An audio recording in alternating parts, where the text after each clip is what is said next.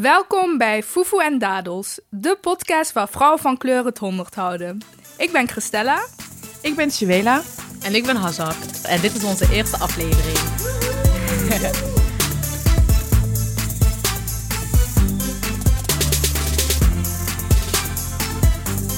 Wij zijn drie vrouwen van kleur en millennial. En als vriendinnen zijn we elkaar safe space. Voor onze luisteraars willen we graag een safe space bieden en zowel onze overeenkomsten vieren als onze verschillen omarmen. Bij Fufu en Dadels zullen wij het hebben over imperfecties en zelfliefde, over politiek en kleur bekennen. Kortom, over alles wat ons bezighoudt. En over zusterschap. Altijd zusterschap. PS. Vrij gevochten spellen wij met een zachte G. Is het wel leuk om te weten dat we bij jou thuis zitten, Sehela? Ja, dus zeker. Ehm, ja, wij zitten inderdaad bij mij thuis in eh, Eindhoven, Woensel-West. En ehm, ja, wij zitten hier wel vaker. We hebben hier wel vaker eh, een goede en belangrijke gesprekken. En de podcast gaan we ook ehm, ja, hier opnemen. Elke aflevering, als het goed is. Ja, en wanneer hebben we het eigenlijk bedacht dat we met z'n drieën een podcast wilden gaan beginnen? Ja, onze ontstaansgeschiedenis is eigenlijk wel eh, bijzonder, hè? Kunnen jullie Ja. dat even vertellen? Ja, wij gingen eh, naar het theaterstuk van eh, Daria Boekvic. Eh, zij is de regisseur van het theaterstuk Melk en Dadels. Ehm, en het was voor ons ehm, eigenlijk voor het eerst dat wij onszelf konden eh terug herkennen in de personages in dat theaterstuk. Ja. Ehm, en dat, ja, dat was, ja, was heel bijzonder. was heel eh, ontroerend. Dus het was sowieso een, een supermooi stuk. En ja. Ja. vooral die representatie. Ja. ehm, ja, dit is echt zo'n voorbeeld. eh dankjewel, Seheda. Ik ga even onze namen vaker noemen, zodat jullie ons, eh, onze stem herkennen. Dit, Melk en Dadels was ook voor, ja, voor ons allebei. En ja, ik spreek dan even vanuit mezelf persoonlijk. Een stuk waarin ik dacht van wow... Zowel wat die, eh, wat die dames meemaken als alle, alles wat ze bespreekbaar maken, alles klopte gewoon. Niks was weggenomen en niks was extra gedaan. En dat zie je heel vaak wel in theater. Wanneer een, iemand van kleur theater maakt of een stuk, dan gaat het altijd of alleen over een bepaald racismeprobleem of alleen over eh, hoe, hoe witte mensen naar ons kijken. Maar Melk en Dadels ging over eh lesbisch zijn in de Marokkaanse gemeenschap, maar ook over eh, eh, werk zoeken, ook over een verantwoordelijkheid geven aan een meisje van 11 jaar, omdat de ouders niet goed Nederlands kunnen. Dus alles kwam daarin terug. En dat eh, ja, was super, super mooi. Ja, Ja. en Ja. toen was daar die WhatsApp-groep. Ja. toen hebben Dus- wij eh, ja, de naam zeg maar afgeleid. En toen inderdaad was de, de WhatsApp-groep. Ja, eh, dus eh, ja, op een, eh, op een eh, klamme vrijdagavond toen ik mij een beetje verveelde, dacht ik, eh, eigenlijk wil ik wel even een WhatsApp-groep met deze dames, eh, waarin wij ook een beetje onze eigen ervaringen kunnen delen en eh, ja, onze hebben en houden in kunnen stoppen. Dus eh, ben ik eh, de WhatsApp-groep eh, met de naam Fufu en Dadels begonnen, omdat ik dus zoveel hoorde van hun over dat theaterstuk. Wij zijn ik- trouwens twee keer naar de theatervoorstelling geweest. hè? ja, we zijn er twee keer geweest. Oh, Zo en leuk en maar het. twee keer, omdat de rest was uitverkocht. Ja. Dus, eh, Moet je nagaan het enthousiasme. Meiden die nooit naar het theater gingen, want eh, ja, geen representatie, die er Ja. nu... eh, Yep. En dus eh, zodoende Fufu en Dadels. En in die WhatsApp-groep hebben we op eh, best wel korte tijd besloten dat we met z'n drieën op reis zouden gaan naar Marokko. yes. Ja. Naar Marrakesh. Yes. En dat was eh, vooral voor eh Hajar een bijzondere reis, toch Hajar? Ja, ja, klopt inderdaad. Dat is eh, dat ik met mijn goede vriendinnen naar, hoe noem je dat, vaderland of moederland eigenlijk, eh, samen die reis kan maken. Dat was voor mij, maakte het voor mij heel bijzonder. Ik heb een, eh, ook wel een hele bijzondere band met Marokko. Dat, eh, eh, dat vond ik ook heel mooi aan het toneelstuk van Melk en Dadels, waarin ze op een gegeven, aan het einde dus Marokko als moederland en Nederland als vaderland hebben beschreven. Eh, daar herkende ik me helemaal in terug. Vond ik zo mooi. En dat is precies ook de band die ik wel heb. Dus Marokko en Marrakesh als mijn zachte, eh, lieve moeder die op, daar op mij wacht en waar ik mag zijn. En wat ik heel mooi vind, is dat het voor jullie was het de eerste keer. Dus voor Christella en voor Sehela. En eh, dat jullie ook diezelfde vibe eh, voelden daar. En dat we dat dus met We elkaar were in love delen. with Marrakesh. Ja, Yes, en yes. dan is het fijn dat, ja, dat jullie mijn liefde ook begrepen Ja. voor Marrakesh en. Marokko. Ja. Ja, en ik moet Mooi. eerlijk zeggen dat ik met niemand anders dan jullie twee eh, die ervaring had willen hebben. Oh my god. Maar jij niet sentimenteel zijn, hè? Ja, ja, ja, ja, ja. Er, is, er, zijn, Mijn er hart. hebben al veel tranen gevloeid Ja, destijds. Ja. Ehm, maar ja, dus ik, eh, ik had het heel graag met niemand anders eh, willen hebben, die reis. En, ehm, en de, reden, ja, de reden waarom ik mij ook zo veilig voelde om met jullie eh, naar Noord-Afrika te gaan. Want voor mij is er nog een extra connotatie. Want Mhm. ja, ik ben Afrikaans. En Mhm. Noord-Afrika is onderdeel van Afrika. En het was voor mij ehm, de eerste keer sinds vier jaar dat ik weer in Afrika was. En ehm, het was eh, voor mij ook een stukje thuiskomen. Want Mhm. ehm, het is Noord-Afrika en je voelt echt die Afrikaanse vibes. Mhm. Gemixt met zeg maar die Marokkaanse, echt die Marokkaanse lokale cultuur. Ja. Ehm, dus ja, dat was eh, heel bijzonder. En ik herinner me nog het moment dat wij, want wij zijn met z'n drieën ook nog naar een stuk geweest van eh, Daria Bukvic. Otello. Otello. Ja. Zo Otello. hebben eh, Christella en ik, Hajar, elkaar eigenlijk voor de eerste keer gezien. Yes. Ja. Dus ik zag Ja. Hajar voor het allereerst toen wij samen naar een eh, stuk van eh, Daria gingen, die Otello heet. Het Ja. gaat over een, ehm, een zwarte man die in, in, in een ja, voormalige Venice, eigenlijk het hele oude Ja. Venetië, ehm, verliest hij eh, zijn witte liefde, et cetera. En ik voelde heel erg dat, ehm, dat in die ruimte mijn zwart zijn eh, bij hun zeg maar veilig was, Mhm. veilig geborgen was. En eh de Suela kende ik al een tijdje en Hajar eh, ontmoette ik net. Mhm. Maar ik voelde heel erg die veiligheid. En dat was voor mij zeg maar... ehm, ja, dat was voor mij zeg maar ja, wel een heel bijzonder gevoel om te voelen van... Oké, we, zijn, eh, we, we zijn verschillend Ja. tussen ons. We zijn heel Ja. veelzijdig. Maar ik eh, kan hier mezelf zijn en ik kan mijn pijn laten zien. Ja. En dat was voor mij bijzonder. Van. Jullie hebben in principe niets te maken tussen haakjes met een ervaring van Mhm. Otello, het Otello en tegelijkertijd eigenlijk alles. En Mhm. dat vond ik zo fijn om met jullie te delen. Is voor jou dat, dat plantje van, dat, van die safe space waar had je het over had, eh, daar geplant eigenlijk? Ja, Eh, is dat wel zaadje mooi is dat- daar ja, geplant, ja. Oh. Dus eigenlijk Ja. is eh, eh, de naam Fufu en Dadels is eigenlijk een eh, doorlopend eh, verhaal Mhm. van Otello Ja, tot melk Ja. en dadels, tot Fufu en Dadels. De mix daartussen Ja. eh, Ja. tot eh, vandaag. ja. Dat we hier met z'n vieren zitten. Ja, dankjewel Christella voor je hele mooie uitleg. ja. Ehm, Oké, dus the rest is history.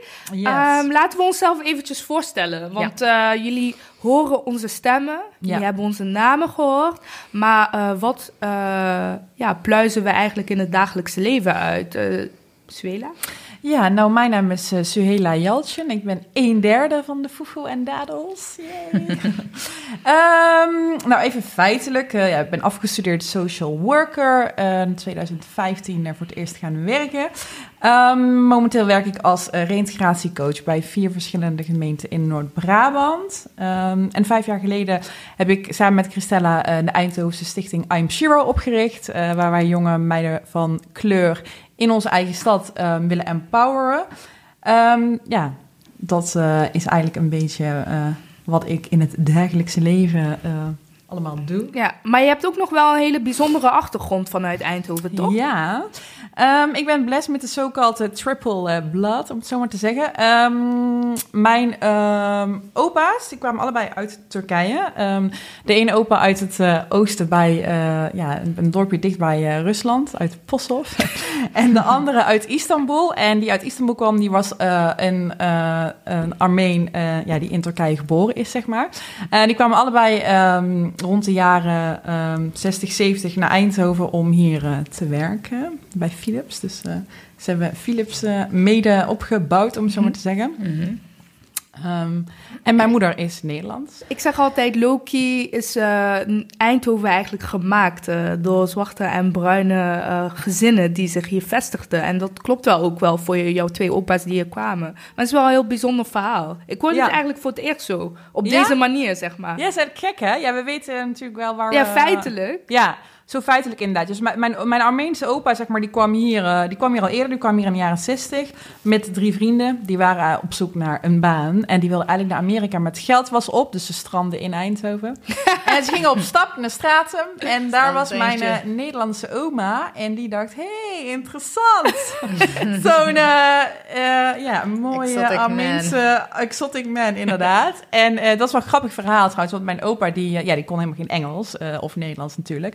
Dus die ehm, gebaarde naar mijn oma ehm, van, ehm, dat deed hij eh, met zijn hand op zijn het? Pols. Pols.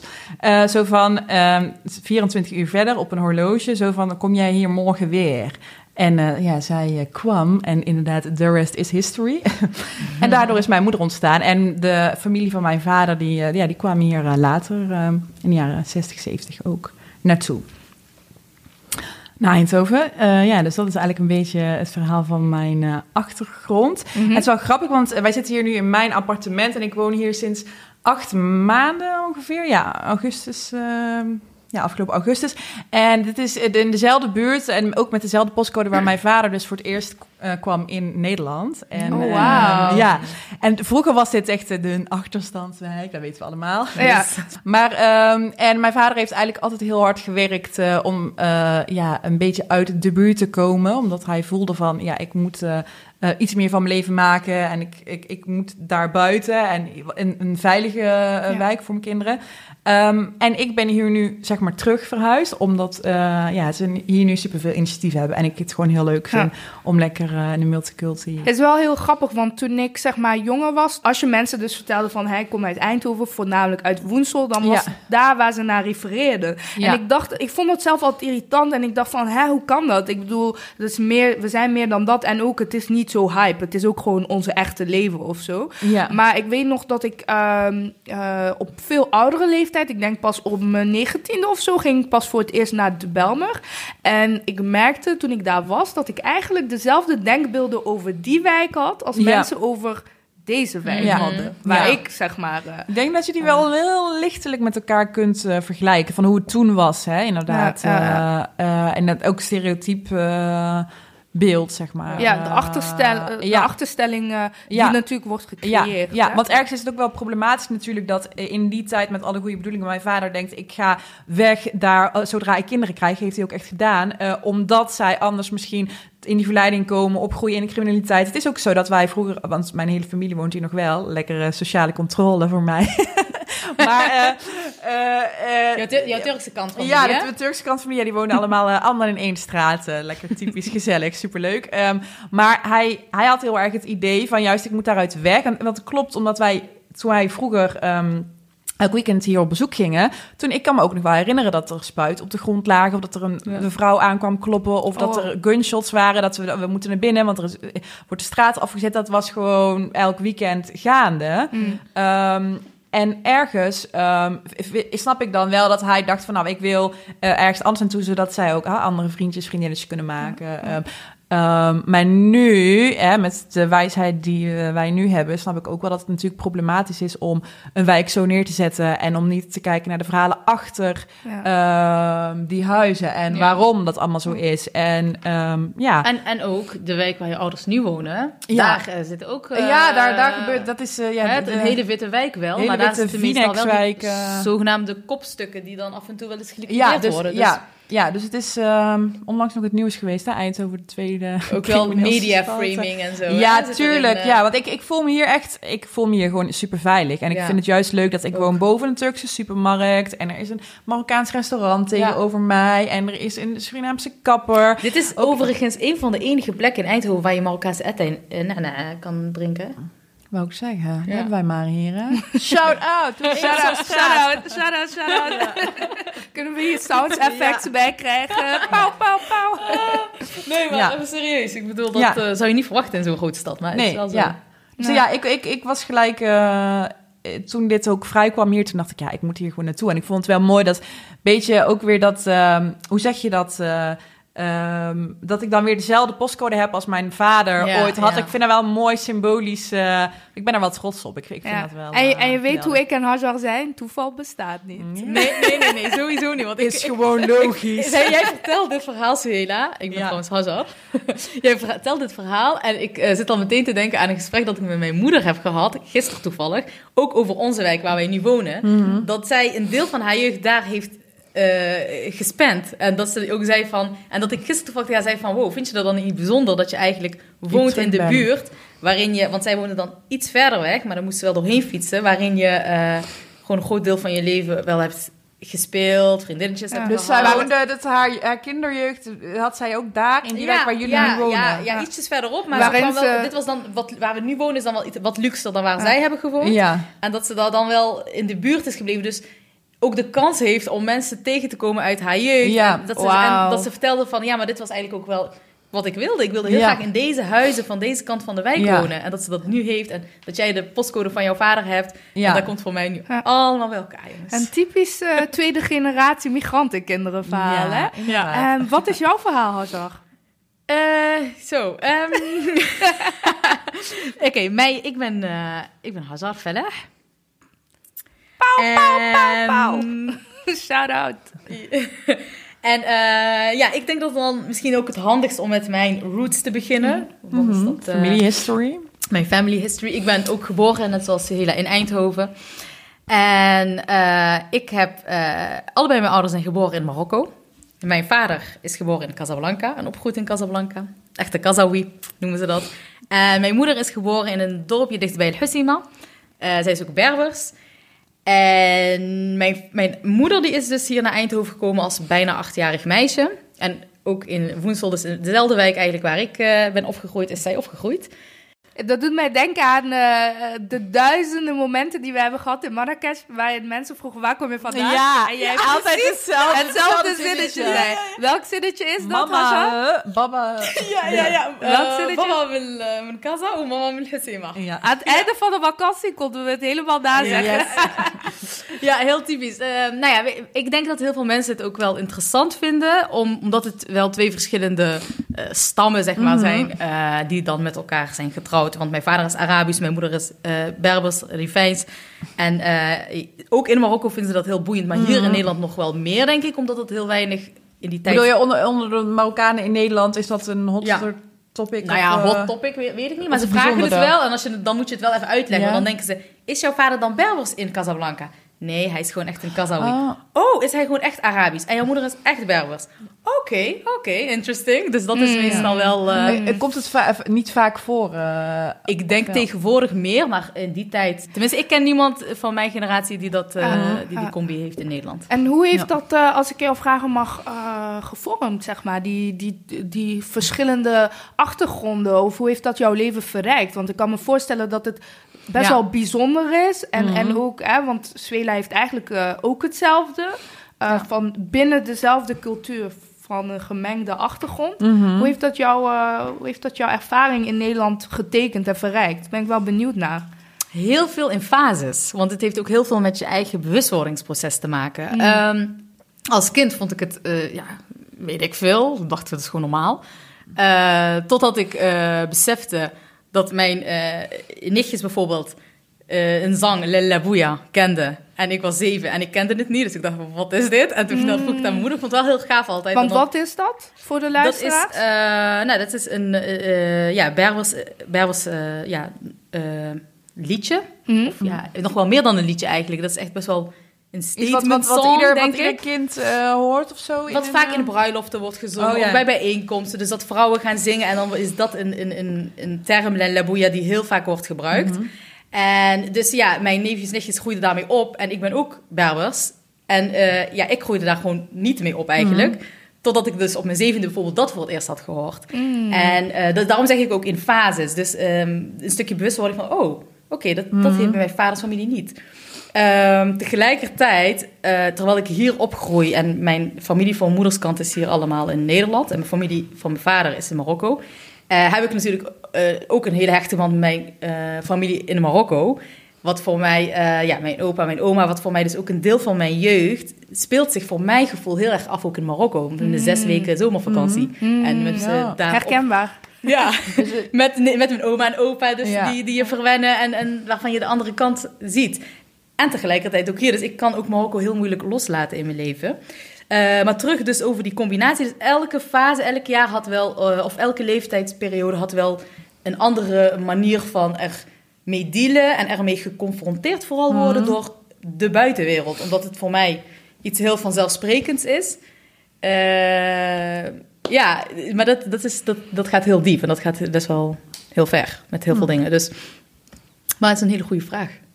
Waar ik een heel vaag antwoord op heb gegeven, besef Nou ik. ja, Nee, nee, nee, nee, nee, nee, nee, Het is nee, juist heel mooi. Het is Ja. juist heel mooi. En ik denk dat het ook een hele persoonlijke vraag is. Ik denk dat het verhaal, eh, dat gaat over familieverhalen en over achtergrond. Ja. Dat is zich ook aan het ontrafelen. Want je zegt ook eh, heel mooi, ik ben 30 jaar geleden ontstaan. En Ja. eh, je hebt eh, hopelijk eh, nog een heel lang leven voor je, waarin je nog meer over Yes. jezelf gaat mogen ontdekken. eh, en over die achtergrond. Maar ik ervaar het zeker als verrijking. Ja? Omdat ik van allebei de Mooi. culturen heel veel... Of, eh, het is natuurlijk gewoon Marokkaanse cultuur, maar er, zitten, er zijn wel twee subculturen waar ik allebei de kanten, de lelijke kanten en de hele mooie kanten Mm. van ken. En ook, eh, toch ga ik even terugrefereren naar het stuk van Daria, van de Melk en Dadels. Eh, dat stukje waarin eh, dat Berberse meisje en het Arabische Oh, meisje ruzie met elkaar mooi. hebben. En vooral dat stukje waarin ze gaan verzoenen en hoe moeizaam dat ging. Ja, daar heb ik gewoon letterlijk tranen van gekregen. Dus Ja, dat is een beetje samenvatting. leven. Ja. van mijn leven. Ik heb kippenvel van. Ja. Maar dat gebeurt dus binnenin jou. Ja, ook. In Binnen me en buiten jou. me soms. Ja. Wauw, Mooi. bijzonder, bijzonder. Los van, ja, ik, ik woon dus in Eindhoven met mijn culturele achtergrond. Ik ging studeren, ben ik uit Eindhoven gegaan omdat ik dacht, oké, de Randstad sowieso A, voor mijn carrière, als iemand met kleur, van kleur, als een hoofd, hoofddoekdragende vrouw, Mm. eh, ga ik daar veel meer kansen, word ik daar begrepen, word ik daar opgevangen. Eh, dus eh, heb ik vooral in mijn studententijd leven vooral buiten Eindhoven geleefd. Oké, Dus- dus... even terug. Je hebt gestudeerd in Utrecht. Ja, ja. Dat is altijd mijn... Ik dacht vroeger dat dat een van mijn droomstudiesteden was. Eh, kan. Ik weet niet wat je zoekt. Dat dacht ik Het is- vroeger, hè? Dat Kijk, dacht ik vroeger. Waarom dacht je dat? Ik eh, hield gewoon van grachten. En ik dacht, Ja. grachten die niet zo ver zijn als Amsterdam. Ja. En ik dacht er precies tussenin. En ik dacht Tussen ook wat meer kleur te in. vinden, te Mm. zien. Ja. Maar goed, als je op het witte ateneum opgroeit, dan ben je blij met al, al het aanbod, Alles. hè? Ja, al het aanbod. Alles is kleur. Dus Ja. eh, ik kwam op Utrecht Centraal aan voor de kijkdag, weet je wel, meeloopdag. En ik dacht, wauw.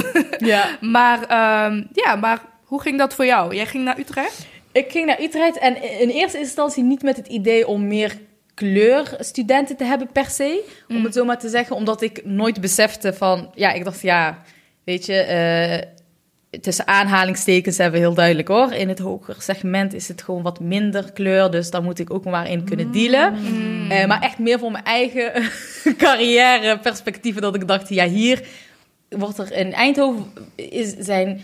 eh, in die tijd vooral, dan praat ik over bijvoorbeeld tien jaar terug, dan was het echt nog van, oh, wat kan je goed Nederlands praten. Zulke rare opmerkingen kon je hier Mm. gewoon krijgen. En in de Randstad had je er gewoon veel en veel minder. En Mm. daar ging het mij vooral ook om. Van, Eh, gewoon dat er naar mij als persoon en naar mijn kwaliteiten wordt gekeken, in plaats van naar hoe ik eruit zie. Ja, Mhm. ja.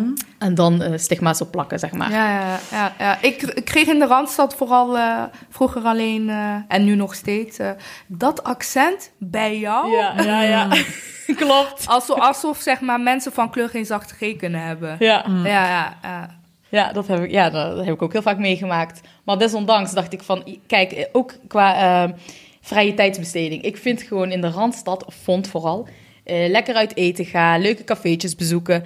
Alles was, eh, er was daar heel veel variatie. En ik hou gewoon van verschillende dingen uitproberen. En het is heel normaal dat jij daar gezien wordt. Hier in Eindhoven, vooral toen, het verandert een beetje, maar het kan wat harder gaan, eigenlijk qua verandering. Als, als jij hier op de markt, dus eh, eh, Grote Plein in, in Eindhoven stad, op een terrasje gaat zitten, dan echt de, eh, de, de mensen die daar zitten, die kijken je aan. En niet dat ze per se racistisch zijn, omdat ze niet willen dat je daar zit, maar er is heel weinig kleur in, op bepaalde terrasjes Ja, en restaurants, dat Ja. ze dan denken van, valt wie op. ben jij en Ja, wat doe jij? En En je, en je zegt natuurlijk van, het is niet per se racistisch, maar als jij iemand van kleur bent, eh, of als je zwart bent, of als je vrouw van kleur bent, en je maakt al dagelijks racisme mee, of dagelijkse eh, kleine steekjes Micro, onder eh, water, microagressies Juist, ja. mee, ehm, dan zorgt zo al dat bekijks toch wel voor Ja. een vijandige, vijandige soort van sfeer, toch? ja, Want toen ik, ik weet nog, toen ik, eh, ehm, ehm, eh, ja, dat komt zo mijn verhaal, maar toen ik af en toe dan in Eindhoven terugkwam, in de tijd dat ik nog niet eh, de stichting was begonnen met Swela, dan, als ik dan op de markten liep en ik zag zeg maar dat grote terras met dat grote plein, Ja. ik deed letterlijk mijn hoofd omlaag En ik liep zo snel mogelijk door, totdat ik voorbij Ja. die Ja. mensenmassa. Omdat ik gewoon wist van... Ten eerste, ik wil niemand tegenkomen die ik ken van vroeger... waarvan ik weet dat hij eh, dubbelzinnige denkbeelden heeft over mensen van kleur. Mhm. En daarmee een, eh een eh, small talk moeten houden. Geen Mhm. zin in. Ehm, en ik weet niet, het was gewoon een hele... Een soort van vijandigheid. Maar ja, dat is natuurlijk ook een stukje trauma. Hè? Je kan dat natuurlijk Ja. niet alleen daar neerleggen van... Ja. dat is sowieso een vijandige plek. Maar als je daar wel traumatische dingen hebt meegemaakt... dan ga je dat ja, trauma relateren aan die plek. Dus voor Ja. mij was het eh, kop omlaag en doorlopen Mm. tot aan het station. Ja. Dus ja, dus dat is wel eh, heel herkenbaar. Ja, en dan, en dan inderdaad in de Randstad ook het hele idee van eh, ja, de wijde wereld in en alles opnieuw eh, nieuwe dingen willen ontdekken. En Ja. wie weet naar het buitenland en international. En Ja. ik had altijd het idee dat ligt daar en niet hier. Ja, Dus. Hoe mooi dat we dan nu hier eh, ja. samenvat ik wat hele vette ja. dingen doen. In, de- Ja, ja, ja. Ja. Jouw Ja. Twitter-bio is zelfs Ja. eh, Amsterdam met de zachte G. Ik had die toen gemaakt toen ik in Amsterdam werkte. Ja, en dat is een- een eh, dus, dat Ja. is wel een goede samenvatting van jou. Van mijn eh, leven. van ja, leven, ja, helemaal waar. Ja, ik heb in Amsterdam gewerkt en toen eh, eh, had ik de Twitter-account aangemaakt in die tijd. En toen eh, had ik, kwam ik op die naam. Mooi, Ja. mooi. Mooi. Dus, eh, maar wat had, je in, wat had je in Utrecht gestudeerd? Eh, mensenrechten. En eh, de reden eigenlijk ook dat ik dat heb gedaan en dat ik eh, ook, eh, is eigenlijk ook wel een verlengst. Deze podcast is dan ergens toch wel een verlengstuk in, in hoe ik in het leven sta en eh, hoe ik mijn keuzes maak. Is eh, vooral ook omdat ik het heel belangrijk, omdat ik echt leef vanuit mijn waarden, waar onder andere dus gelijkwaardigheid en rechtvaardigheid voor alle mensen en, en op een harmonieuze manier dingen willen bereiken, maar ook harmonie, dus voor iedereen, maar vooral ook voor jezelf. Dus voor de groep die pijn lijdt, zeg maar, of waar onrecht tegen wordt aangedaan. En eh, op die manier probeer ik daar. eh, ik, ik zie steeds zo'n rode draad in mijn leven. En dat zie ik nu ook met de podcast. Dat ik daar met al mijn echt met passie weer mee bezig ben. Is, is echt vanuit dat ik eh, er echt in geloof dat we daar een stukje eh, dichter bij gelijkwaardigheid en rechtvaardigheid kunnen komen. Ja. En je bent dus werkzaam als jurist eh, nu. En ja, de- ik, ben, eh, ik ben dus jurist. Christella, Ja, dan de ben ik, hè? interviewster van vandaag. Dan ben Even ik, de ja, rollen ja, omdraaien. Oh. Ehm, Vertel. Oké, ik zat echt na te denken van hoe kan ik mezelf het beste introduceren. En ik dacht, ik ga gewoon iets vertellen dat ook jullie nog niet weten. Spannend. Ik weet Maar alles van wel- jou. Dat kan niet. Oké, wat weten wij niet? Vertel Maar ons. het is, eh, het is wel, zeg maar... eh, ja, het is gewoon heel erg gerelateerd ook aan mijn leven... het leven dat ik heb gehad in Eindhoven. Eh, gehad. Luisteraar denkt, huh, hoezo? Nou, ik ehm, ben op mijn... eh, 18e uit huis gegaan. Eh, ben ik op kamers gegaan in Eindhoven om even te proberen hoe het is eh, om op mezelf te wonen. Ik woonde toen achter Stratums Eind, dus eh, die bekende uitgaansplekken eh, van eh, Eindhoven, vooral witte uitgaansplek. Ja. Ehm, en ik heb het toen echt geprobeerd. Ik heb geprobeerd om me te integreren in de witheid van Eindhoven. Eh, ging eh, met wikken en wegen. En ik dacht, oké, ik ga wat anders proberen. Ehm, toen eh, ben ik eh, naar een open dag gegaan van een vrije universiteit in Brussel. En toen dacht ik, oké, dit is het. Eh, de reden waarom dat het voor mij was... eh jij, jij vertelde net over jouw zes weken in Marokko. Bij mij zag mijn zomervakantie er meestal uit als zes weken in Molenbeek, het kleine Marokko. Maar ook in die tijd ook, ook ja, van alles, zeg maar. Ja. Dus ehm, ehm, voornamelijk Afrikanen. Ehm, en ehm, ik had heel veel familie wonen in Brussel. Een hele goede tante van mij. een hele goede vriendin. Hele. Maar anyway, Dat was een hele goede tante. een tante waar Ja. ik hecht mee ben. Ja. een hele goede tante van mij. Echt Een zo tante Eindhoven zijn. Een hele goeie. Nee, een tante waar ik hecht mee ben. Um, um, um, uh, sorry, other aunties who are listening. maar dus, um, die woonde dus toen in uh, Molenbeek. En uh, samen met, uh, met uh, uh, neefjes en nichtjes. En eigenlijk een groot gedeelte van um, de plek waar mijn ouders vandaan komen in Rwanda. Ik kom uit Rwanda. En hun provincie, zeg maar, waar zij vandaan komen, of zelfs hun dorp, uh, is een groot deel daarvan is gemigreerd naar Brussel. Het is een beetje, zeg maar, alsof, Mm, cool. alsof iemand het uh, op wieltjes heeft gezet en uh, in uh, Brussel heeft neergezet. Dus dat was mijn stukje thuis. Um, En omdat ik eh, ja, de achtergrond heb dat ik zeg maar eh, um, een zwarte vluchteling ben in Nederland, Hm. was het voor mij niet vanzelfsprekend om zes weken naar mijn thuisland te gaan. Dus zodoende werd het thuis, werd voor mij tussen mensen, eh, binnen de familiekring. En eh, dat was dus Molenbeek en bij verlengde Brussel. Ja. En dus eh, tien jaar later was ik er weer en eh, ging ik er studeren. Ik eh, sprak van huis uit ook al Frans, heel veel Frans meegekregen. Frans was ook de eerste taal die ik sprak.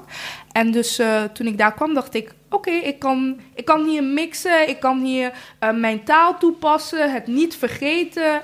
En ik zag ook heel veel mensen van kleur op het campus. Dat vond ik heel belangrijk. Heel even, hoor, Christella, Ja, want dan ja. ben ik wel benieuwd naar... Was het voor jou dan al duidelijk dat jij... Want je hebt hier het VWO gedaan in Eindhoven. Mhm. Dat jij na het VWO naar Brussel zou gaan? Of, want je vertelde dat je ook nog even naar Utrecht voor een open dag was. Ja, ja, klopt, klopt, klopt. Eh, ja, is eh, heel gek, maar zoals we altijd zeggen, toeval bestaat niet. Maar Mhm. op mijn veertiende... eh, ja, ik had al zijn een beetje Ja. superstitious. Maar op mijn veertiende ehm heb ik in mijn... eh, ik had een penvriendin, ze heette Joseline, shout-out naar Joseline. Ehm, en eh, op... Dat eh, wist ik dus niet, hè?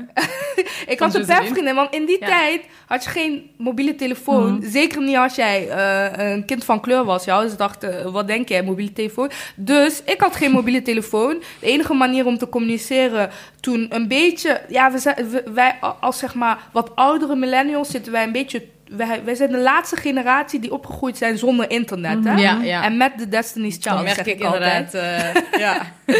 Dus, eh, maar dus, anyway, ehm, ik eh, had geen telefoon. En ik had een penvriendin. En de enige manier om te communiceren destijds was brieven schrijven naar elkaar. Oh, Eh, en als je, weet je nog, als je mensen ging ophalen thuis, ging je gewoon aanbellen. Ja. En dan wachten of iemand thuis was. Dus Ja. niet thuis was, ging je weer naar huis. ja. Dat was gewoon het leven toen. Eh, maar anyway, ehm, eh, met haar had ik eh, en een andere vriendin uit Amsterdam hadden we afgesproken dat wij ooit met z'n drieën naar, Amsterdam, naar eh, Brussel zouden gaan en daar eh, sa- Ah. samenwonen met z'n drieën. Was op mijn Wauw. 14, 13e, 14e. Heb ik toen in mijn dagboek geschreven en zelfs met een tekeningetje van ons drieën erbij. Ah. Ja, dus Kijk, kijk, cute. het was echt al op jonge leeftijd dat ik daarvan droomde, Ja. zeg maar. En omdat wij waren alle drie Rwandees, dus ik denk dat het ook vanuit een plek was dat wij het alle drie soort van relateerden aan thuis. Dat Ja. stukje aarde, Ja. zeg maar. Omdat dat was voor ons, was dat eh, ons thuis in de diaspora was gewoon Brussel, weet je wel. Ja. Daar waar je je zomervakantie Ja, was. Ja. Waar ik eh, de hele zomervakantie eh, was, als al mijn eh, eh, eh, klasgenootjes eh, op de camping eh, in Zuid-Frankrijk waren. Cool, man.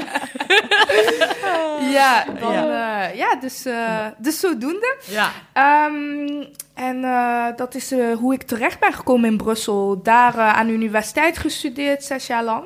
Ja, dus je, in Eindhoven op kamers eh Stratum.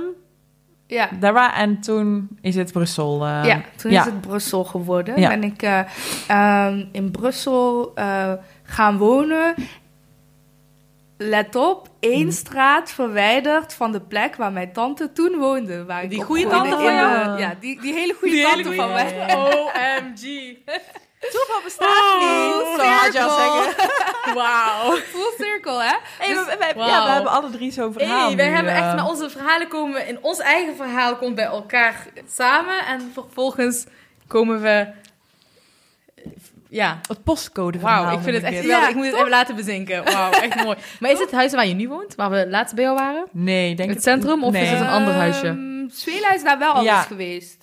Eerste Dus, huisje eh, waar jij Mijn woonde. e- allereerste huis was eh, in Brussel was een studio. Mhm. Ehm, en daar was ik best wel trots op, want het was wel bijzonder op die leeftijd om een studio te hebben. Iedereen had een kamer, ik had een studio en een eigen keuken, balling. Maar ehm, dus, eh, dus er was ook lekker cheap. Dat was het voordeel aan Brussel. Ja. Dus, eh, maar ja, en het was echt aan de rand van Anderlecht en echt één straat verwijderd van eh, waar mijn eh, waar mijn tante vroeger in de vele huizen waar ze in Brussel gewoond heeft. Ehm, dus ja, en eh, het was dicht bij eh, de markt. De markt eh, heet Clemenceau, waar wij Mhm. vroeger onze vlees gingen kopen en onze kleding. En Oh. waar alle eh, ehm, Marokkaanse ooms tegen jou zitten te schreeuwen en euro, en euro. En dat je al die dingen voor 1 euro kistjes kan kopen. Dus dat was Oh. altijd heel dope. Dat zeg maar, daar kwam heel Brussel samen, zeg maar. Leuk. Brussel van kleur, zeg maar. Dus mijn leven is sowieso altijd foefoe en dalos geweest. Mm, ja, ik Ehm, hoor het. Oh, weer. Hey. Ja, ja, ja, ja. ja. Dus, eh, en dat, eh, eh, wat, mij, wat mij ook heel erg trok aan Brussel was... er heerste een bepaalde gemoedelijkheid tussen de gemeenschap van kleur... die ik nog miste in Eindhoven. Mhm. Of Ja. breder gezien in Nederland. Nu is dat wel steeds meer. Mhm. Maar in Brussel was het veel meer zo van... eh, als je zeg maar een zwarte vrouw in Brussel op straat loopt... en een Noord-Afrikaanse man wil jou iets vertellen of aanspreken... of wat dan ook, noemt hij jou altijd zuster, weet je wel. Mm. En dat soort dingen bestaan gewoon niet in Nederland. Nee, nee, dat Nee. merk ik ook als ik in Frankrijk ben. En in Frankrijk is het eh cousine, dus Mm. eh, eh, nicht, Nicht. zeg maar. Ja. Dus, eh, en daarom heb ik ook altijd een, een hele sterke soort van emotionele band gehad met de Franstalige gemeenschap Ja.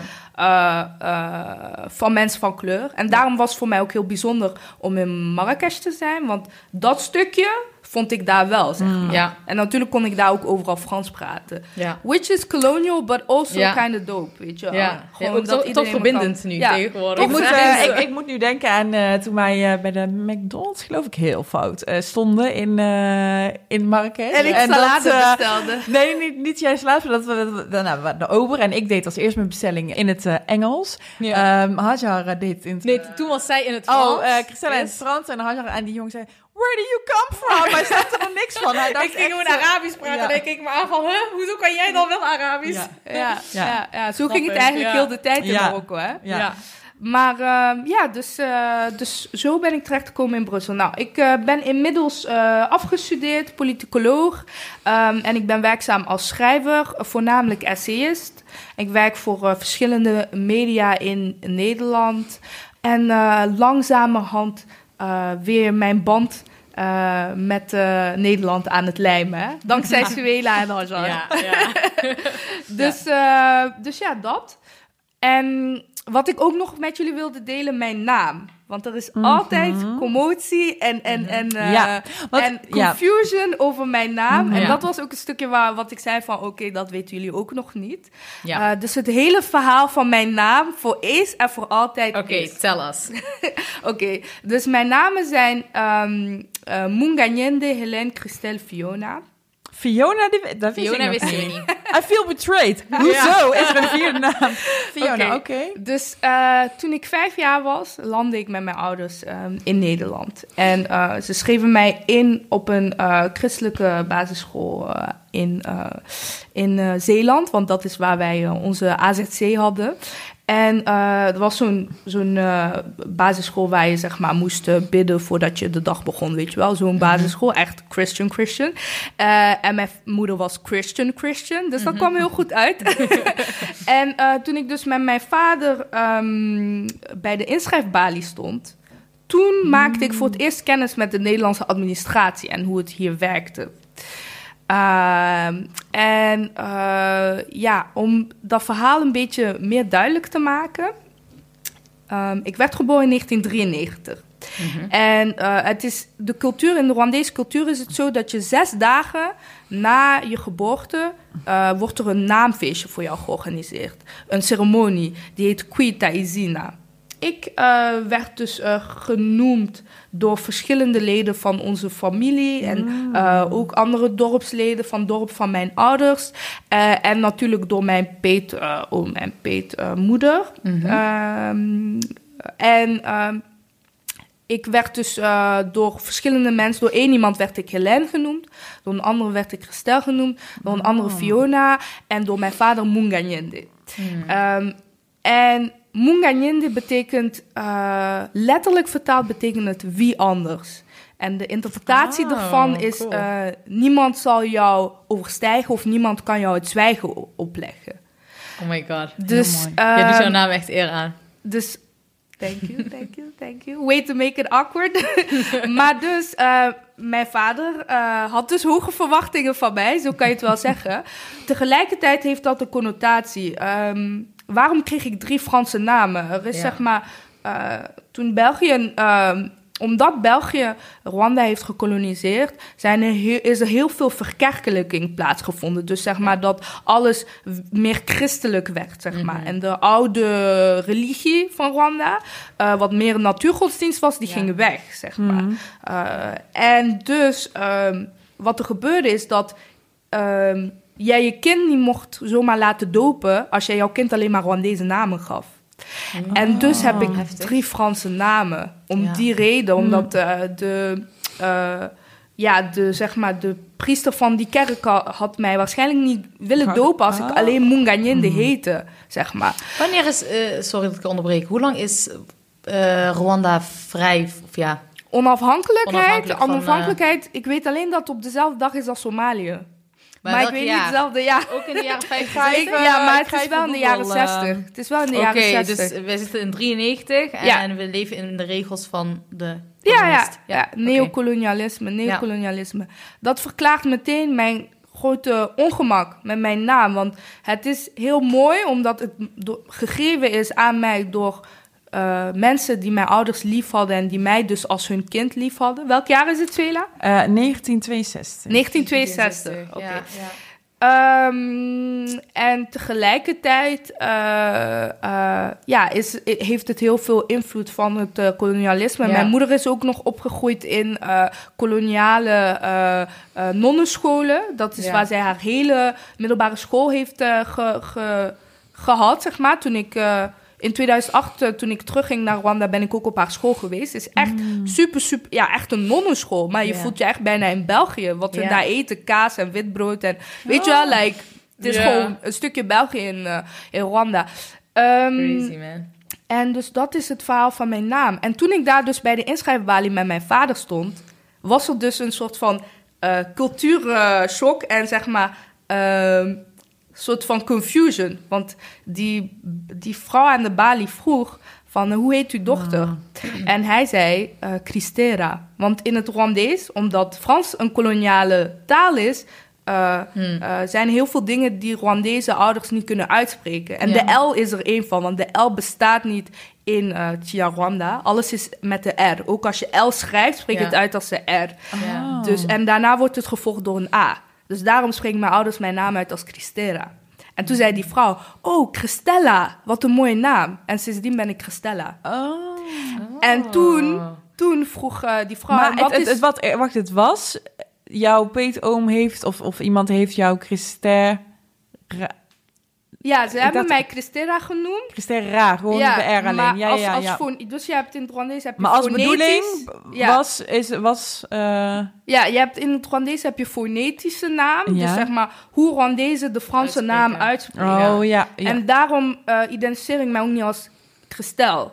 Want ik word nooit zo genoemd. Ook niet door mijn ouders. Ze zeggen altijd Christella. Maar wat staat er in je paspoort? Als, je schrijft het als gestel, zeg maar. ja. En ik zeg altijd, je spreekt het uit als gestella. Want dat is hoe, hoe mij altijd is aangeleerd dat je het uitspreekt. wat wat, wat ik ook in, in, in interessant in jouw naam vind... is dat voor mensen hè, in de Randstad die jou kennen vanuit je werk... en jou Helene noemen. En, en wij, de Eindhovense uh, jeugdvrienden... Noem mij nog altijd Stella. Dat is altijd al. Ja, dat, dat vind ik ook wel wanneer wil je uh, Munganyende genoemd worden? Oké, dus dat is het uh, stukje waar ik nu in zit. Zoals jij zeg maar het ontrafelen van jouw achtergrond... Mm -hmm. als uh, ja, Marokkaanse van twee uh, verschillende achtergronden binnen Marokko... zo heb ik dat ook met mijn naam, Munganyende. Dus toen die vrouw mijn naam had gezegd van, oh, Christella. Terwijl mijn vader zei Christella. Maar hij mm. dacht, oké, okay, whatever. These people will call her Christella. So I will call her Christella. En um, zij schreef mij in als Christella. En toen vroeg die vrouw van, uh, en wat is uw achternaam als ik vragen mag? Dus mijn vader zo, uh, Shidambere. Achternaam ja. bestaat niet in het. Nee. Weet je wel, maar hij dacht, ik word mijn achternaam gevraagd. Dus I guess I will say my name. Mm -hmm. Maar dat is niet mijn naam, snap je? Mijn naam ja. is Munganyende. Dus sinds die dag was ik Christella Shidambere. Okay. En zo heb iedereen mij gekend. Mijn hele basisschooltijd, ja. van Zeeland, van Terneuzen tot Eindhoven, tot aan... Uh, mijn eh, zesde eh ateneum op het Stedelijk College. Iedereen kende mij als Ja. Christella Shinambede. Ja. En de eerste keer dat mijn klasgenoten mijn volledige en eigen naam hoorden... was tijdens de eh eindexamen toets, dat weet ik nog. Toen werden alle namen op, omgeroepen, want dan moest allemaal, ja, zeg maar, je government name zijn, weet je wel. Dus dan is dan mijn government name. En toen riepen ze... Helen Christelle Munkanyende om. En iedereen keek om zich heen. Who is that? En ik stond op. Al mijn klasgenoten keken mij aan van... Who are you? Weet je wel, wij kennen jou niet. En eh, ja, zodoende, zodoende, dat is eh, eh, het verhaal van mijn, van mijn naam. En ik Mooi, werk mooi. eraan het bewustzijn waarin ik mij volledig op mijn gemak voel bij het feit dat mensen mij Munganyende Mm. noemen. Vooral omdat het in Nederland zo slecht wordt uitgesproken. En ik Mm. heb dan het gevoel van, ik heb liever dat je het niet zegt, dan dat je mijn naam geen eer aandoet. Dus dan noem mij liever Christella. Dus En wat wil, hoe wil je dat wij je noemen, Chris. Chris? Want ik vind Munganyende Close wel vet eigenlijk om te zeggen. En ik heb het idee dat ik het goed uitspreek. Ja, ja, je mag, jij mo- jullie mogen het zeggen. Maar het voelt nog voor mij als een beetje een soort van heilig en Oké. fragile. Ja. Dus ik vind niet dat iedereen mij... Nee, ja, ik ja. weet niet. Het is nog heel gek.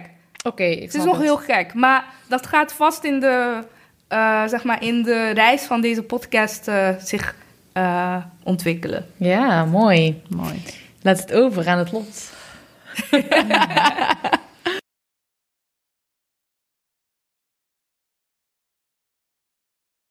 We gaan over naar een van onze rubrieken. Yes, Ehm, rubriek. wat is heet, wat is zoet?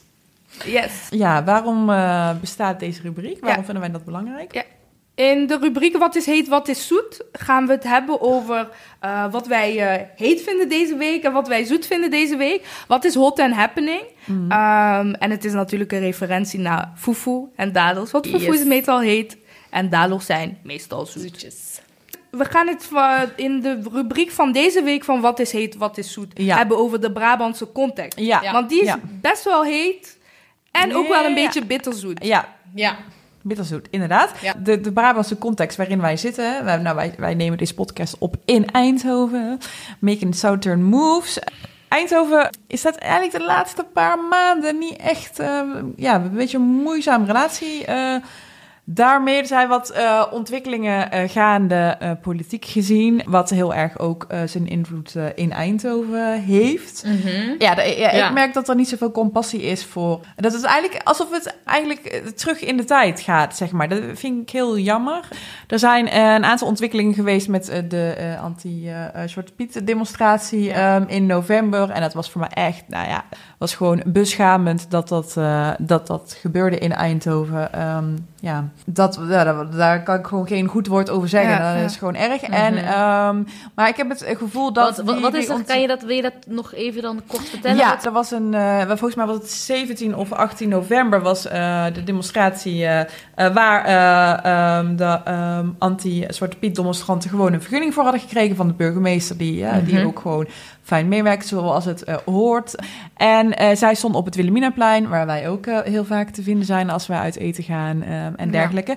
Ehm, met een groep, ehm, er waren helemaal niet veel mensen, ik denk een stuk of 20. En Ja. diezelfde dag, het was een zondag of een zaterdag geloof ik, was ook een, een wedstrijd van PSV gaande. Volgens mij was dat zo in ieder geval. Er waren heel veel was hooligans. het niet de intocht? Het, Nee, het was niet de in... jawel, Ja, maar het was de dag van de intocht. klopt, En ja. toen kregen ze best wel een centrale... De, Ze, nou, ze kregen... oud Zwarte Piet. eh, Die stond op het Wilhelminaplein. ehm, en het is niet per se... ja, het is wel centraal in de stad, maar niet het centraalste plek in de stad. Nee. En er ehm, in ieder geval een groep eh, hooligans, een groep 300 eh, plus man, eh, die... ehm, PSV-hooligans. PSV-hooligans, die PSV, kwamen daar... ehm, Niet alleen, niet hooligans, hè? Nee, er zaten nee, ook nee, nee, gewoon, nee, dat ja. was het engste eraan. Ja. Er zaten ook gewoon normale vrouwen tussen, mannen ja, tussen. die- kinderen. ehm, en ja, het was zijn echt, kinderen eh, gebruikt ja. voor die... eh, maar, maar vertel verder, Om, sorry. vinger, om middelvingers op te steken. Ja, nou, dat was gewoon heel heftig. Eh, we hebben een aantal filmpjes toen gezien. ehm, even, ja, ook gedeeld op social media. eh, en dat was echt super heftig. Ja, ze hebben ook Ehm, de, de, de, de hooligans hebben die...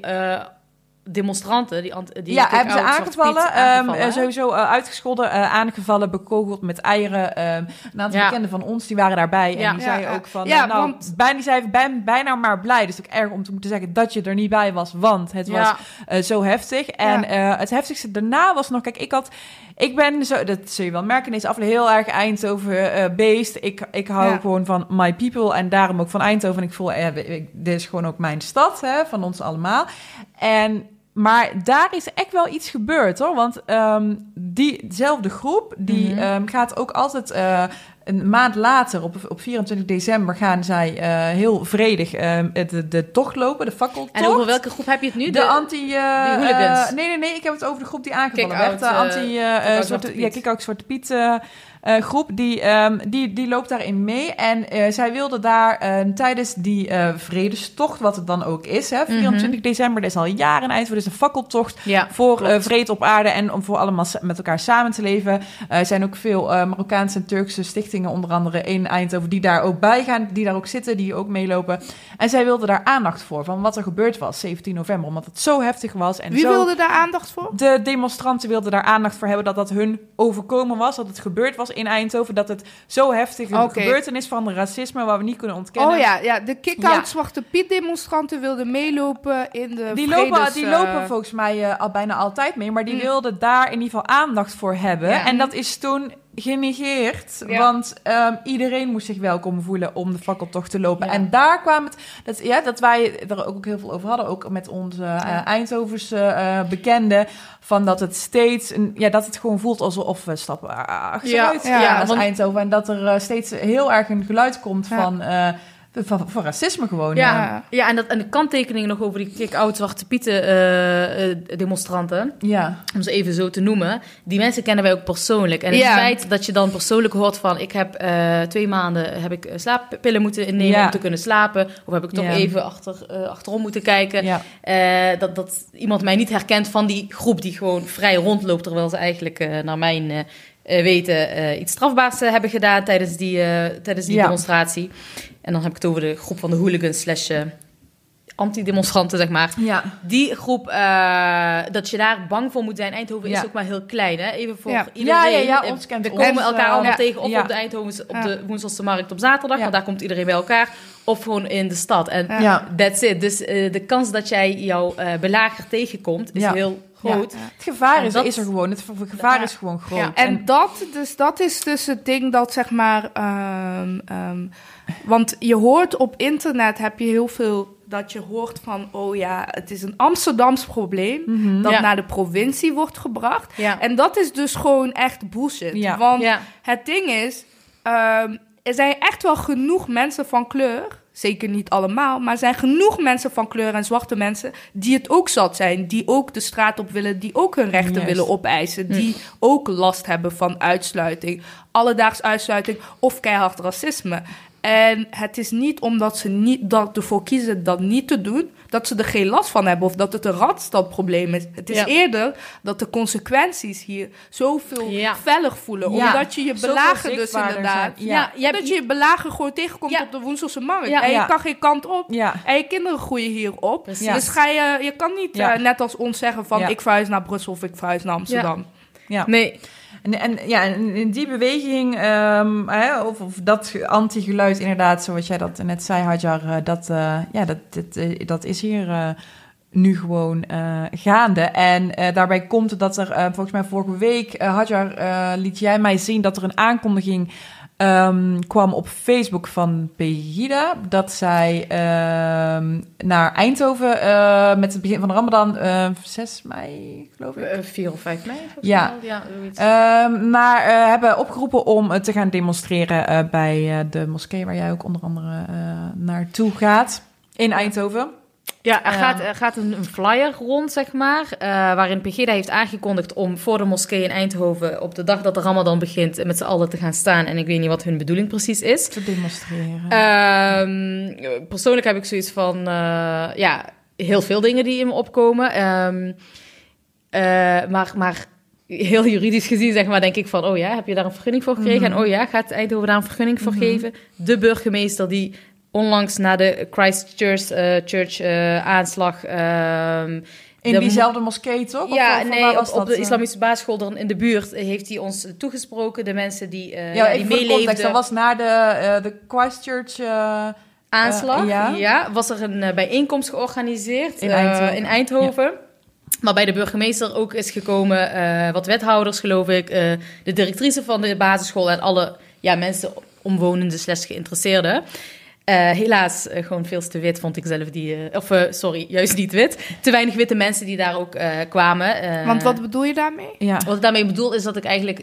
Ja, iedereen die daar kwam, die kende ik persoonlijk. Dus dat was of eh, uit mijn eigen community of mensen die bezig zijn met, met dingen zoals waar wij mee bezig zijn. Ja, Ja. En, eh, en een paar buurtbewoners, ja. die overigens ja, super toffe mensen, maar te weinig stad. Niet heel Eindhoven zat daar. Ja. Of niet, geen Ja. belangrijke, niet alle belangrijke organisaties binnen Eindhoven Ja. of stichtingen. of... Miste, En- je, miste je de steun? Had je het gevoel dat eh, de Christchurch niet serieus werd genomen? Ik had het gevoel toen we daar zaten, en daarom zeg ik ook, ik, betwijfel, tenminste het zal me heel erg tegenvallen vallen van de burgemeester die daar hele mooie woorden had gezegd. En die Mhm. daar echt voor ons en eh, ook vanuit zijn eigen hart sprak van eh, wat ons is overkomen, dat eh, voelen we hier in Eindhoven ook.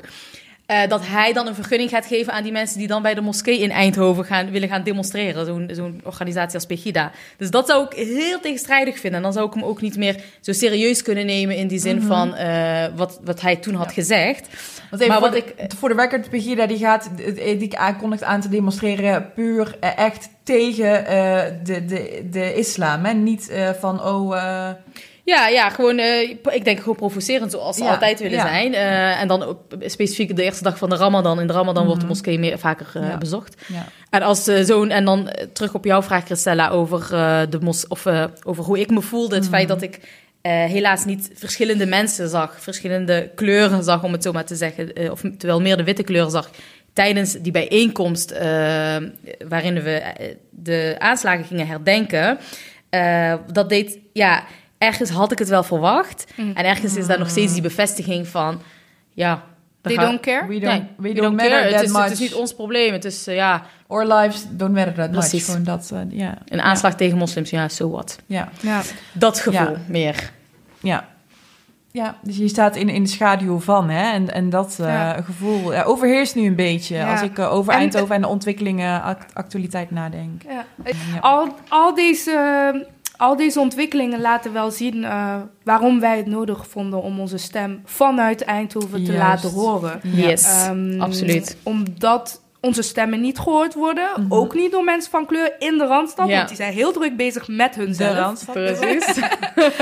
En eh, no shade, but shade. En Yes. dat is zeg maar de, man- de reden waarom wij ons eh, willen laten horen. Om te laten horen ook wat onze realiteit hier is eh, in Eindhoven. En Ja. om nooit meer op de vraag te hoeven antwoorden dat accent bij jou. Want ja, Mhm. we bestaan, we leven hier. ja. En, ehm, en ja, we maken onze southern moves. Yay, baby. En ja, ik eh, wil het eigenlijk ook nog even over, hebben over het feit dat. ehm, wat jij net benoemde, Swela. Want het is eigenlijk wat je merkt, is, of wat ik merk in ieder geval, Mhm. is dat eh, wij er alle drie wel een beetje anders in staan. Hè? Want jij Mhm. vertrekt wel meer vanuit de liefde voor de stad. En Hazar en ik zijn meer eh, gevlucht uit de stad. En nu langzaam Ja, door Daar jou een beetje Ja, eh, de dat heeft ook wel met, met te maken met, ja, ja, ook wel met een bepaald soort privilege die, die je in Eindhoven dan kan hebben. Wat, wat, wat ik denk, dat ik, omdat bij mij het zichtbaar, ja, even tussen haakjes, niet ziet dat ik anders ben of eh, kan gewoon door voor een, snap je? Eh, dus dat kan zo zijn dat, in, dat ik in mijn jeugd en dat opgroeien in de straten met diezelfde dingen, eh, daardoor en niet eh, op die manier ervaren heb. Dus dat dat Mhm. voor mij eh, zou dat waarschijnlijk ook heel niet fijn geweest zijn. En dan, dan Mm. was ik ook vanuit een ander punt. Dus, Oh, dus je denkt dat het komt omdat je niet zichtbaar, niet zo zichtbaar anders bent als ons. dat weet ik niet. Ik weet Anders niet of het daardoor komt. Ja, dat, dat denk ik. Ik, eh, ik, ik, ik hoor vaak, hè, wat ben je precies? Eh, Balkan, een beetje iets eh, Italiaans? eh, ja, dat. Mm. eh, wat- dat- Jij, ja. bent, jij bent zeg maar die niet gevaarlijke, eh, hoe zeg je dat? Ja, buitenland. Loopt zo niet direct Die- gevaar Ja, de niet gevaarlijke eh, migrant-achtergrond, meisje. Ja. Maar je hebt gewoon eh, de mooie looks, maar niet, niet gevaarlijke denkbeelden. Want je bent niet... Of een, een, een Ja, dat is, ik, denk, ik denk dat het voor mij dat het niet zo zichtbaar zoveel verschilde. Het is wel zo dat ik natuurlijk, eh, ik heb er ook op mijn basisschool waren wij het enige Turkse gezin. Er was ook nog een Syrisch gezin, weet je wel. En oh, wat heb jij altijd op je boterham stinkt? Eh, Ja. Turkse knoflookworst en En ei. nu is het hot En- en nu happening en, het hot happening. Ja. Kijk, dus dat is wel zo, maar misschien dat, dat daarom, dat er, ik weet niet of dat zo is, maar dat er een stuk Ja. minder pijn en trauma daar zit. En gewoon als persoon ben ik best wel een, ja, heel erg gewoon familie eh, Ja. eh, mens en eh, centraal vrienden komen allemaal bij mij en daar hou ik van. En dat is denk ik mijn liefde voor Eindhoven, maar ook van, hallo, wij zijn hier gewoon. Ik heb ook Precies. een Eindhovense familiegeschiedenis Precies. natuurlijk. Ja. Een, een, mijn overgrootopa was hier een bakker. eh, ook in, uit Eindhoven, een Nederlandse ehm, man gewoon. Dus weet je, dus dat is misschien een beetje die... En dat ik ook, ehm, zeg maar, genetisch gezien wel een Nederlandse, Wortels een hier. Nederlandse wortels heb. Dat heb hè? Ja. Peter, de opa van mijn moeder, was gewoon een bakker uit Eindhoven. Dus misschien heeft dat er ook wel mee Ja. te maken. Ja, want eh, wat ik in ieder geval het meest heb geleerd van jou, een van de belangrijkste lessen die ik heb geleerd van jou de afgelopen Mhm. jaren, is dat ondanks dat je een voorkeur kan hebben voor een andere plek. Ik ben heel gelukkig eh, in Brussel Ja. eh, momenteel. Ehm, en ik hou nog steeds van grote, ste- grote ruststeden. Mhm. Ja. Ehm, ik heb wel geleerd dat het belangrijk is om, eh, om veilige plekken te creëren overal. Ja. Eh, Ja. Mensen van kleur verdienen veilige plekken Juist, overal. Het is ja. helemaal niet de bedoeling dat we met z'n allen naar Amsterdam verkassen. Juist. Dat past niet eens. Nee. Dus, ehm, en ook, het is wel nu eenmaal zo dat we wel mensen van kleur uit Brabant zijn. Ik ben Ja. een zwarte Yes. vrouw uit Brabant. Brabant heeft mij voor een heel groot deel Mm, gevormd tot wie ik ben. Mhm. En weet je wel, als ik Guus Meeuwis hoor, dan krijg ik Ja. wel tranen in mijn ogen. dus dat zegt iets. Wauw. wel. Oh, Dat is really? wel- It's true, it's true though. Maar welk It's nummer? Zeker van, van ik ben Nick en Brabant. Nee, het is- Je Ja, kent ja, het ja, al, ja. Je kent het ja. nummer, dat zeg je. Ja, ja, precies. Nou, Oké, oké. Ja, maar ik denk dat ik de tranen van dat nummer kreeg eh, omdat het over thuis gaat. Mhm. Hmm. En Ja. ik daar heel erg mee worstelde. Van Ja. Brabant hebt is ook thuis, een, ehm, maar ook weer niet. Je hebt ook een liefde voor, voor Eindhoven, denk ik. Eindhoven heeft wel heel erg eh, karakteristieke dingetjes. Nou, Ehm, ik weet niet of het een liefde is, maar ik voel me wel beschermend er tegenover. Oh, ik ja, voel wel dat zeg maar, ik het niet kan hebben als mensen uit de Randstad eh, Hmm. er de draak mee steken. Zeg ik nu iets heel dat vaak. is, dat, je zegt Maar- iets Belgisch, hè? De draak mee steken. De ik, woon al te lang in. Brussel. Ja. Maar dus als mensen van, van kleur, ook van kleur inderdaad, uit de Randstad, eh, oh ja, Brabant, haha. Eh, dus ja, dat is, eh, dat, maar dat heb je mij dus geleerd, dat eh, we hier veilige plekken Mhm. moeten creëren, Ja. want die jonge kinderen, er lopen nu Juist. gewoon jonge, kleine, mini Hadjars, ja. mini Suela, Ja. mini Christella, lopen nog steeds rond in deze stad. Ja. Ja. En die verdienen ook representatie en die Ja. verdienen ook veiligheid. Precies. Heel mooi gezegd. Heel mooi samengevat. Yes. Wel, Ja. Wat gaan we dit seizoen, eh, het komend seizoen doen? Wij gaan hele leuke, gave dingen doen, guys. En Uh, girls, girls, sorry. Ehm, Them, they're queer. Yes. Yes. Wij, wij zullen dus om de twee weken een eh, podcast eh, online zetten. Eén eh, podcast in de maand zal een eh, specifiek thema zijn, waarbij we een gast gaan uitnodigen die hier eh, het een en ander ook komt vertellen en waar we vele vragen aan zullen stellen. Vervolgens zullen we ook één, eh, één podcast wat actueler, eh, actualiteiten eh, benoemen. Dat gaat dan meer over weer wat wij eh, heel belangrijk vinden en waar wij op willen inzoomen. Ja, wat, de wat er in de maatschappij eigenlijk gebeurt Ja, om ons ja. heen. Daar gaan- zullen we even op gaan reageren dan, inderdaad. Ja. Dus, zo, eh, dus zo willen we dat eh, de komende tijd gaan doen. Ja. Ja.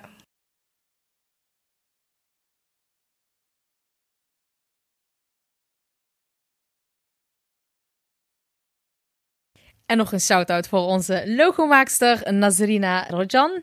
En Anna Visser voor onze leuke tune. En dit is een Dipsaus productie. Yes. Dankjewel Marjam en Dankjewel. Dipsaus. Dankjewel, Mariam en dipsaus. Ehm, en ja, we willen eigenlijk eindigen met eh, maar één powerful zin van de enige echte Audre Lorde. Women are powerful and dangerous, especially when we unite.